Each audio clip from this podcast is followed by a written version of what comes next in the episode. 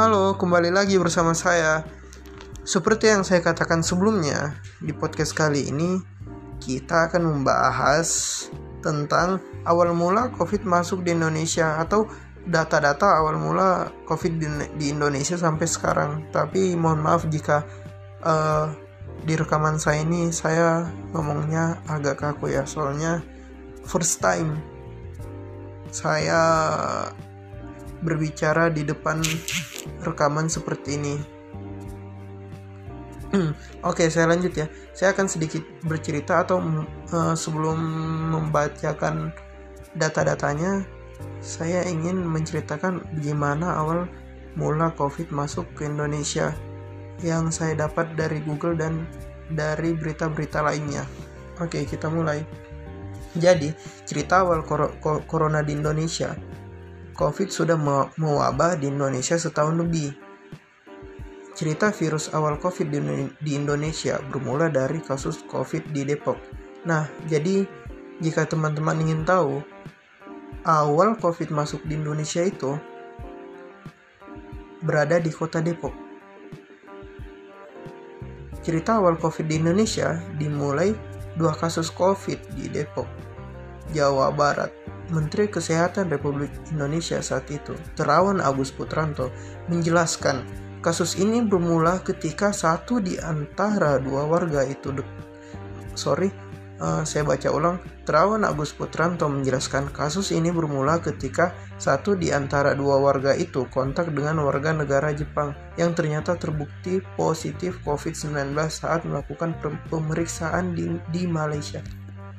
Jadi uh, ada warga negara kita atau warga negara Indonesia saling kontak dekat dengan warga negara Jepang yang sudah terbukti bahwa warga negara Jepang ini terjangkit COVID-19 setelah melakukan pemeriksaan di Malaysia. Diduga, saya lanjut ya, diduga awal COVID di Indonesia terjadi pada malam Valentine Nah, jadi awal COVID itu terjadi pada malam Valentine. Kita lanjut. Uh, jadi warga, uh, jadi bagaimana cerita ceritanya itu seperti ini.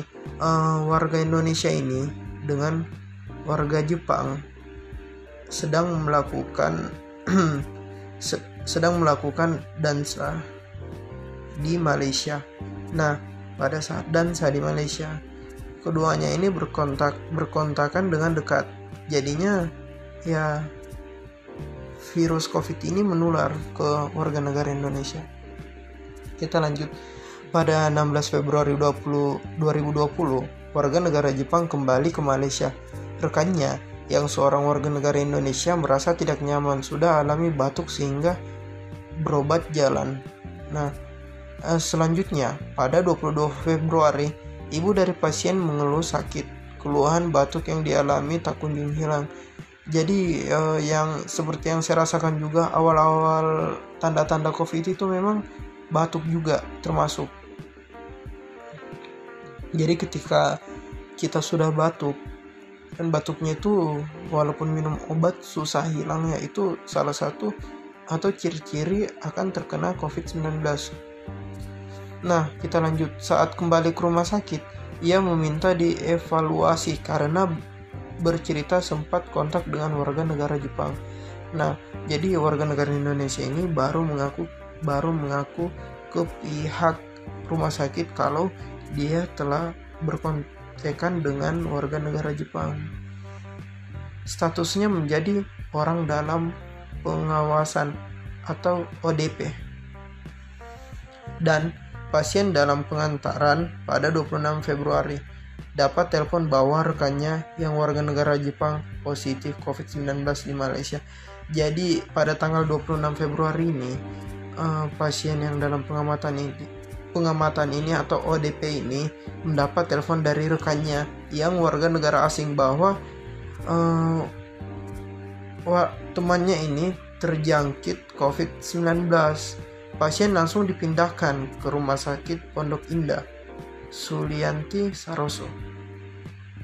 Nah, jadi kalau teman-teman ingin tahu begitulah cerita awal COVID masuk ke Indonesia dari sebuah uh, dari se satu dari dua orang warga negara kita yang berkontekan dengan warga negara Jepang.